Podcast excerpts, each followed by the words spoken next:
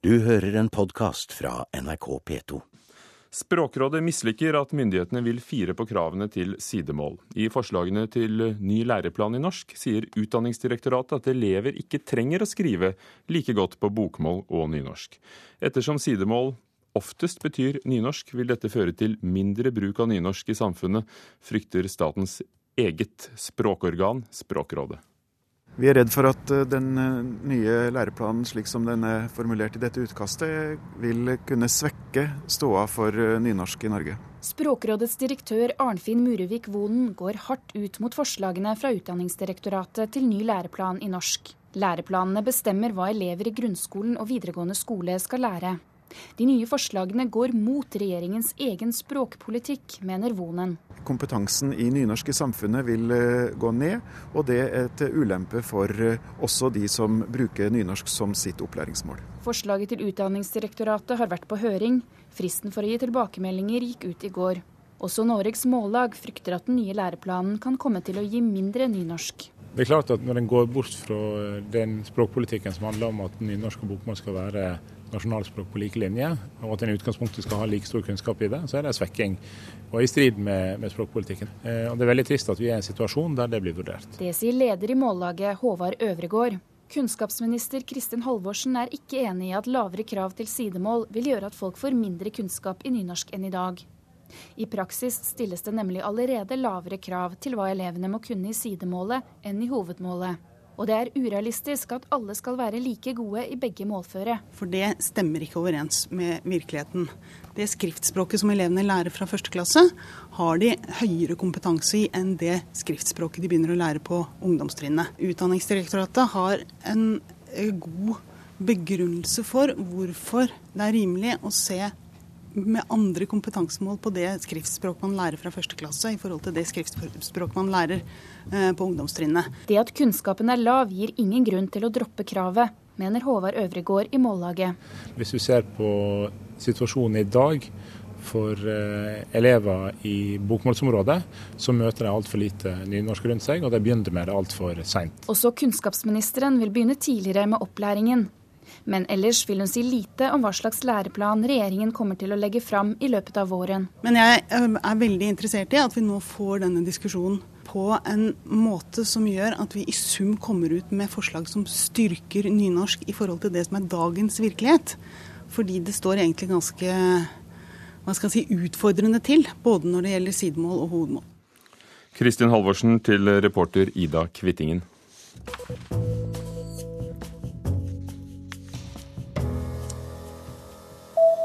Kulturbyråden i Oslo ber Munch-museet om å ikke begynne nedbemanningen før økonomien, dvs. Si sparetiltakene og overskridelsene, er ferdig gransket. Oslo kommune krever innsyn i overskridelsene på 5,7 millioner kroner i fjor. Kulturbyråden vil også vite hva ansettelsen av to nye direktører og en sponsorsjef har kostet, skriver Aftenposten. Økonomien ved museet blir også tema i dagens muntlige spørretime i Oslo bystyre. Amerikanske, de amerikanske filmskaperne Oliver Stone og Sean Penn hyller Venezuelas avdøde president Hugo Chávez. Han døde i går etter to års kamp mot kreft. Stone har ofte hyllet Chávez, som han intervjuet i 2009 til dokumentaren 'South of the Border', sør for grensen, om Chávez' innsats for å endre Latin-Amerika. Sean Penn ble også en venn av Chávez, og besøkte ham ofte i Venezuela. Og nå til Moskva. Alle de tre som er mistenkt for å ha stått bak syreangrepet på lederen for Bolsjoj-balletten i Russland, har tilstått. Og blant dem er en av kompaniets stjernedansere. Hans-Wilhelm Steinfeld i Moskva, hvem gjorde det? Ja, Den som ga oppdraget, er Balsjoj-solisten Pavel Dmitritsjenko. Eh, Han er berømt for sin hovedrolle som den svarte svanen i Svanesjøen, og hovedrollen i Sergej Prakofjevs 'Ivan den grusomme'. Eh, mannen som kastet syren, heter Juri Sarutskij både Sarutskij, Dmitritsjenko og sjåføren til eh, Sarutskij har tilstått at de sammen kastet syre på ballettsjefen ved Balsjoj-teatret, Sergej Filin. Så de skrå bredder kan i dag ikke konkurrere med virkeligheten på Russlands hovedscene, Bolsjoj-teatret. Det er jo et godt poeng at han har danset Ivan Grusomme og andre sorte roller. Men, men Hans-Wilhelm Steinfeld, altså Dmitrisjenko, denne danseren, er solist, men han er ikke blant det øverste laget av, av stjernedansere. Kan det virkelig være en snak, sak om en forsmådd uh, førstedanser? Nei, det er snakk om hans forsmådde venninne. Den unge, vakre Angelina eh, Varantsova, som er en av de yngre ballettdanserinnene ved Balsjoj-teatret. Hun fikk en konflikt med ballettsjef Sergej Filin da hun forlot Stanislavskij balletteater før Filin. Og da han senere kommer til Balsjoj-teatret som ballettsjef, så blir det i hvert fall en kunstnerisk, sjalusibasert dramatikk mellom disse to, med utslag i hvilke roller hun fikk. Og dette antar russisk politi er Dmitritsjenkes motiv for å ha satt i gang syreangrepet mot Sergej Filin, selv en fremragende ballettstjerne i sin tid. Og nå altså ballettsjef, og i morgentimen i dag har altså Dmitrisjenka og de to medansvarlige eh, som utførte angrepet, undertegnet en tilståelse. Men hvordan tas denne nyheten imot i, i Moskva? Det er toppnyheten i Russland i dag. Daglig kommer det avsløringer om alvorlige forbrytelser. Men det er klart at et så han har sagt Agatha Christie-preget thrilleropplegg på Balsjoj-teatret, i hvert fall i kulissene, eh, det setter stor spenning og interesse i det russiske publikum, som jo elsker sitt store teater, som Balsjoj-teatret betyr. Hvordan går det med Sergej Filin, som eh, sto i fare for å miste synet? Ja, han er, i, han er i utlandet i Tyskland for eh, øyebehandling. Eh, og det man spør seg, er jo hvilken atmosfære er det som har rådd bak murene på det nyoppussede Bolsjoj-teatret? Et restaurasjonsarbeid som tok syv år, og teatret er forgyllet til det ugjenkjennelige både utvendig og innvendig. Men administrerende direktør ved Balsjoj-teatret, som heter Anatolij Iksakov, han beskylder en stjernedanser som heter Nikolai, Nikolai Siskaridze, det er et georgisk etternavn, for å ha vært den som har skapt denne giftige atmosfæren som ledet til syreangrepet mot ballettsjefen på Balsjoj-teatret. Hvilken straff kan de ja. Ja, hvilken straff de kan få, ja. det kan i hvert fall bli uh, opptil åtte års ubetinget fengsel. Uh, hvis det ikke finnes formildende omstendigheter. Det synes jo ikke som det gjør det. Men jeg ville legge til at uh, Bolsjoj-teatret har vært rivningsarena i betydningen rivninger mellom mennesker i 25 år. Helt fra de dager da Mikhail Gorbatsjovs kone Reisa prøvde å legge sine føringer på dette teatret. Og disse stridighetene på Bolsjoj-teatret brakte teatret i kne. Og ved midten av 1990-tallet sa den norske operasjefen Bjørn Simensen til meg at Bolsjoj-teatret hadde degradert til nivået for et sveitsisk kantonteater. Nå har Balsjoj reist seg siden den tid og er i konkurranse med Marinskij teater i St. Petersburg, det gamle keiserlige hovedteatret, om å være ledende teater her i Russland. Men én ting er i hvert fall en konklusjon som kommer ut av dagens kriminalgåte, det er at aktørene på Bolsjoj-teatret sannelig overgår sine kolleger i St. Petersburg når det gjelder å skape helt reelle dramatiske situasjoner. Hans-Wilhelm Steinfeld i Moskva, takk.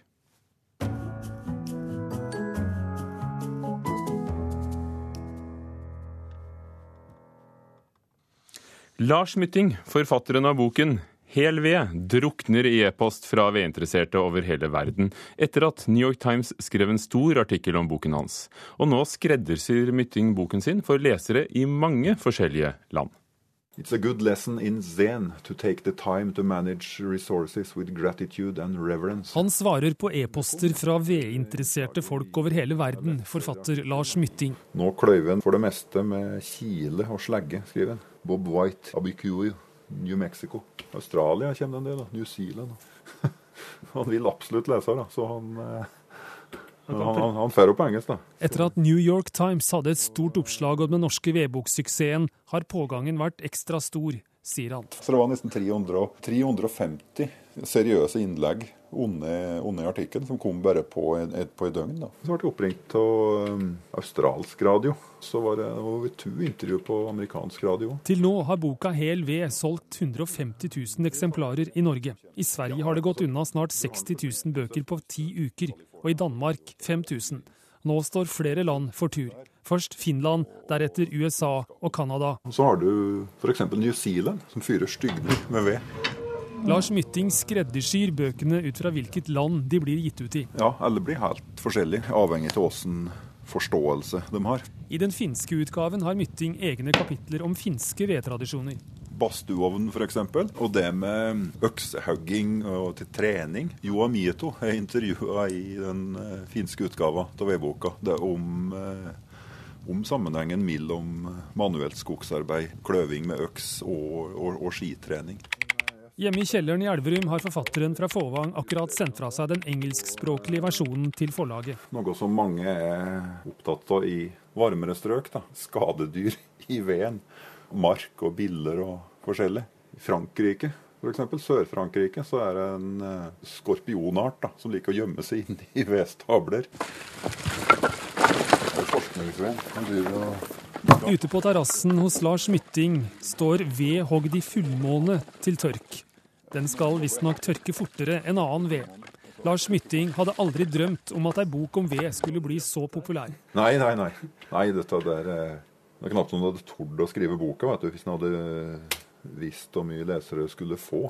De neste landene boka Hel ved nå skal gis ut i, er Tyskland, Østerrike og Sveits. Tyskland, Sveits og Østerrike er jo absolutt et stort eh, vedfyrings området. Anne Gåthaug, forlagssjef i Kagge Forlag, tror ikke det norske vedbokeventyret er slutt med dette. Det er veldig mange land som uh, fyrer med ved. Så hvis du ringer meg gjennom et år, så har vi sikkert kryssa av flere land på lista, tenker jeg. Mytting tror aldri han blir helt ferdig med vedboka. Sjøl om han har tjent flere millioner på den og er glad for responsen fra lesere, håper han interessen roer seg litt, så han får tid til å gjøre det han egentlig ønsker å skrive romaner. Ja, noe annet ville vært ljug boka er jo noe som, som driver og trakker etter det, da, og som du ikke kommer helt fri fra. Og Det er jo gledelig, sjølsagt, men du, nå har jeg jo skrevet på en roman i, lang roman i ett og et år. Ferdig førsteutkast. Det, det er jo der med som det friske blikket mitt er. Som vedfyringens Justin Bieber. Det, det, er veldig til å live med, altså. Det er ikke mer ståk enn det er til å helle ut med det. Sa Lars Mytting til reporter Stein S. Eide. Journalister eh, blir eh, oftere utbrent, og det, det er pga. bruk av smarttelefoner som fører til mer sykdom. Det kommer frem en ny, i en ny undersøkelse som Arbeidsforskningsinstituttet har gjort for Norsk Journalistlag. I undersøkelsen svarer 85% av de spurte journalistene at de har kontakt med redaksjonen og leser jobb-e-post etter at de har kommet hjem. Nå har jeg jo gått hjem fra jobb, så strengt tatt så burde jeg gjort dette i stad, men det rakk jeg ikke, så nå skal jeg prøve å ringe noen angående en avtale. Marie Melgaard er journalist i Aftenposten. Nå er hun på vei hjem fra jobb, men arbeidsdagen er fortsatt ikke over. Midt i ettermiddagsrushet i Oslo sentrum må hun ringe og bekrefte en arbeidsavtale. Ja, hei, det er Marie Melgaard i Aftenposten. Riktig. Jeg skal bare si torsdag er planen. Men det er ikke bare nødvendige telefoner som må takast utenom arbeidstida. Marie bruker også å lese nettaviser, sjekke jobb-e-post, oppdatere Aftenposten sin Instagram-konto og holde kontakt med redaksjonen etter at hun har kommet hjem. Kanskje jeg får beskjed at det er eh, feil et sitat som skal i morgendagens avis, og da enten at man går på den interne jobbchatten og sier fra hei, kan du fikse det? Alle gjøremåla skjer via iPhonen hun holder i hendene. Men Marie er ikke alene. En fersk undersøking gjennomført av Norsk Journalistlag syner at 85% av journalister sjekker jobb-e-posten på heimebane, og prosenten er gjennomgående høy når det gjelder kontakt med redaksjonen etter endt arbeidsdag. Den økte bruken av iPhone og PC gjør at journalistene er tilgjengelige døgnet rundt. Noe rådgiver og fagansvarlig for arbeidsspørsmål i Norsk Journalistlag, Trond Idås, mener går utover helsa. Altså, vi kjenner jo til en del caser, for å kalle det, eller eh, journalister, som har møtt veggen i veldig ung alder. Eh, rett og slett fordi de hele tiden er på og leverer og følger opp og ikke klarer å koble eh, fra arbeidslivet, rett og slett. Men det er en grunn til at skillet mellom arbeid og fritid er i ferd med å forsvinne. I undersøkinga sier sju av ti journalister at de tror sjefen forventer at de skal være tilgjengelige døgnet rundt, og fem av ti mener jobben går utover privatlivet deres. Idås legger ikke skjul på at også teknologien har en stor del av skylda for utbrenthet hos journalister. Særlig smarttelefonene har gjort at uh, journalistene er tilgjengelige på en helt annen måte enn tidligere. Og Det er også et ønske om å følge opp sakene sine og følge opp kildene sine og være tilgjengelig. Veldig mange er kontinuerlig på jobb, for å si det sånn, gjennom døgnet. Eh, bortsett fra når de sover. Så svarer de på e-post eller svarer på meldinger og følger opp. Psykolog Jon Petter Fagerhaug ser en tydelig sammenheng mellom mindre fritid og dårligere helse.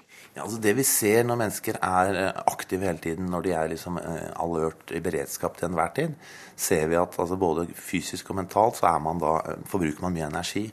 Eh, og etter hvert som energien dabber av, så får vi en del sånne klassiske sykdommer som utbrenthet, eh, eh, stressreaksjoner, fysiske stressreaksjoner, depresjon og angst.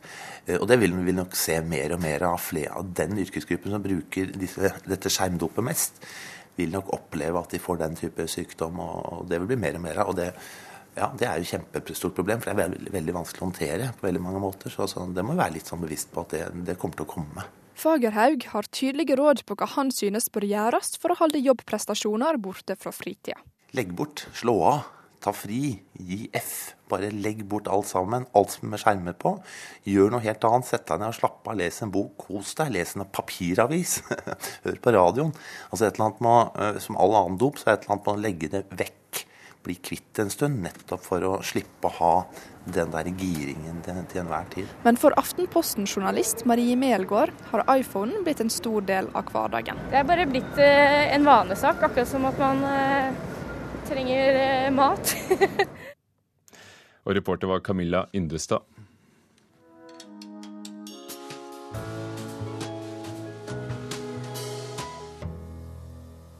I nesten 30 år, frem til han eh, fikk slag, brevvekslet den senere nobelprisvinneren i litteratur, Thomas Transtrømmer, med sin amerikanske venn, dikteren Robert Bligh. Disse brevene kommer nå som eh, en eh, bok med tittelen Airmail, luftpost. Også i år har vi fått en stor fortelling om vennskap mellom menn, sier vår anmelder Knut Hoem. En ung svensk poet som til daglig jobber som fengselspsykolog i Midt-Sverige, sender et brev til redaktøren for et kult amerikansk litteraturtidsskrift, og spør etter et dikt som han kunne tenke seg å oversette. Redaktøren som da svarte, og som for øvrig hadde norske slektninger, het Robert Bligh. Året var 1964, og i tiårene som fulgte skulle han sørge for at den da fullstendig ukjente Thomas Transtrømmer ble oversatt til engelsk, noe som igjen skulle legge grunnlaget for den internasjonale berømmelse som til slutt skulle gi Transtrømmer nobelprisen i litteratur. Kanskje var det den uhøytidelige tonen i første svar fra Blei, smilet og humoren, som gjorde at de to så raskt ble på fornavn med hverandre. Begge de to poetene var i opposisjon i egne land. Transtrømmer ble beskyldt for ikke å skrive politisk nok mens Vietnamkrigen pågikk. Blay sto på barrikadene og talte sin egen regjering midt imot. Brevene de to imellom er virkelige nok, men Jan Erik Vold har rett når han i forordet sier at du lett kan lese denne boken som en roman. Og i så fall er dette en roman om vennskap mellom menn. Og her går det an å trekke inn en av fjorårets store romaner, Jeg nekter' av Per Petterson.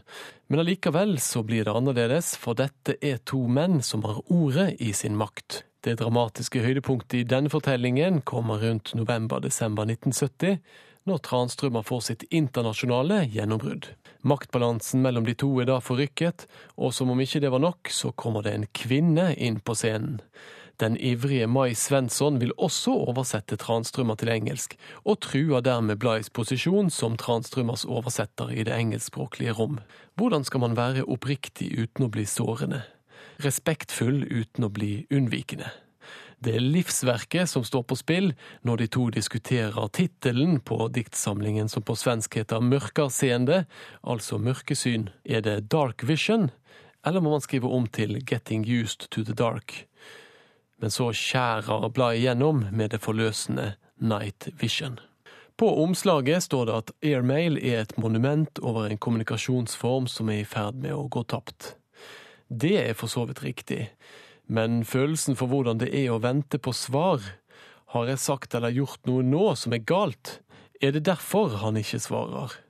Den følelsen der skulle være høyst gjenkjennelig også i dag. Knut Hoem om brevene mellom Thomas Transtrømmer og Robert Bligh, oversatt til norsk av Bjørn Alex Herman. Interessen for å lage film blant unge filmskapere i nord er stor, og filmveksthuset Tvibit i Tromsø hjelper filmtalentene i nord med å realisere filmdrømmen. Her er det musikkvideoen musikkvideo som faktisk han Eilif har lagd eh, til Violet Road. Eilif skal du snart få møte. Han er et av de unge talentene Filmveksthuset og leder Bror Hartvigsen hjelper frem. Vakkert. Istedenfor å gi en gitar til um, barnet eller gi det i en fotball og idretten og sånn, så har vi et miljø som stimulerer til det å lage film. Hartvigsen går innom workshopen Filmveksthuset nå holder. God dag, god dag. god dag. Hvordan går det med jobbinga? Her får Eilif Bremer Landsen, han med musikkvideoen, og Freddy Hvitt, proff manushjelp. Jeg tror vi bare passe for at det ikke blir sånn at det føles ut som en sånn uh, gjentagelse. At han først går ut og leter etter henne, og så går tilbake, og så går ut og leter igjen. Ole Gjæver er sjøl en prisbelønt filmskaper fra Tromsø. Er guttene her talent? Ja, ja, absolutt. Dette her er jo to av Norges største filmtalenter som vi sitter her med som vi kan vente oss mye av de neste 10-15 årene som kommer. Jeg ble perpleks i forhold til liksom, det synet de får, men at det er noe som skremmer dem plutselig. Eilif og Freddy hører på og diskuterer ekspertrådene. Eh, min film er da en skrekkomedie. Det handler om eh, en gjeng ungdommer som drar på tur i eh, Nord-Norge. og Der støter de på en samisk gravplass som de ikke burde ha tukla med. Og Det gjør de, og da brytes helvete løst. Hva betyr det for deg å komme hit til Filmveksthuset og dette prosjektet? Nei, de har et godt tilbud her, og jeg er jo egentlig veldig ny i, uh, i film. da. Jeg tror liksom han Eilif lagde sin første film da hva du var, 12 år. Ja, mens jeg tror jeg var 19 år gammel, så jeg er egentlig veldig fersk i det her. så... Eilif var tidlig innom Filmveksthuset. Det er den første filmen som jeg lagde da jeg var tolv år. Altså, det handler om en gutt som krasjer i en lyktestolpe tre forskjellige ganger. Din første film når du var tolv? Ja. Da eh, var jeg ble jeg tvunget ned på et filmkurs av mora mi på Tvibit. Og så var det en kompis av jeg som lagde Ja, vi lagde en ettminuttsfilm. Som vi har fortalt tidligere, så blomstrer det litt i nordnorsk film for tida. F.eks. er over halvparten av filmene som er tatt ut i det norske programmet på Eurodukk i år, fra landsdelen. På Filmveksthuset håper de å skape flere nordnorske filmstjerner. Ja, Det er vel kanskje ikke rett å spørre hvor langt filmene kommer til nå, men det er heller eh, rett å spørre hvor langt de unge kommer til å nå.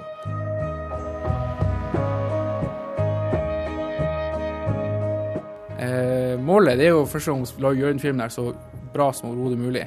Eh, vi har ganske høye ambisjoner for å få den ja, så mange som mulig skal få sett den, og at vi skal få gjort en ja, lagd ordentlig spillefilm.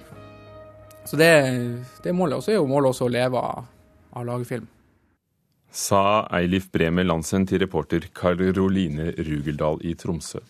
Hovedsaken i Kulturnytt i dag. Språkrådet reagerer negativt på at myndighetene vil fire på kravene til sidemål. Og så har vi hørt at en av Bolsjoj-ballettens stjernedansere har innrømmet syreangrepet på ballettsjefen Sergej Filin. Og dette er førstesidestoff i Russland, fortalte Steinfeld fra Moskva. Kulturnytt var ved Hanne Lunås, Halvor Haugen og Ugo Fermariello. Du har hørt en podkast fra NRK P2.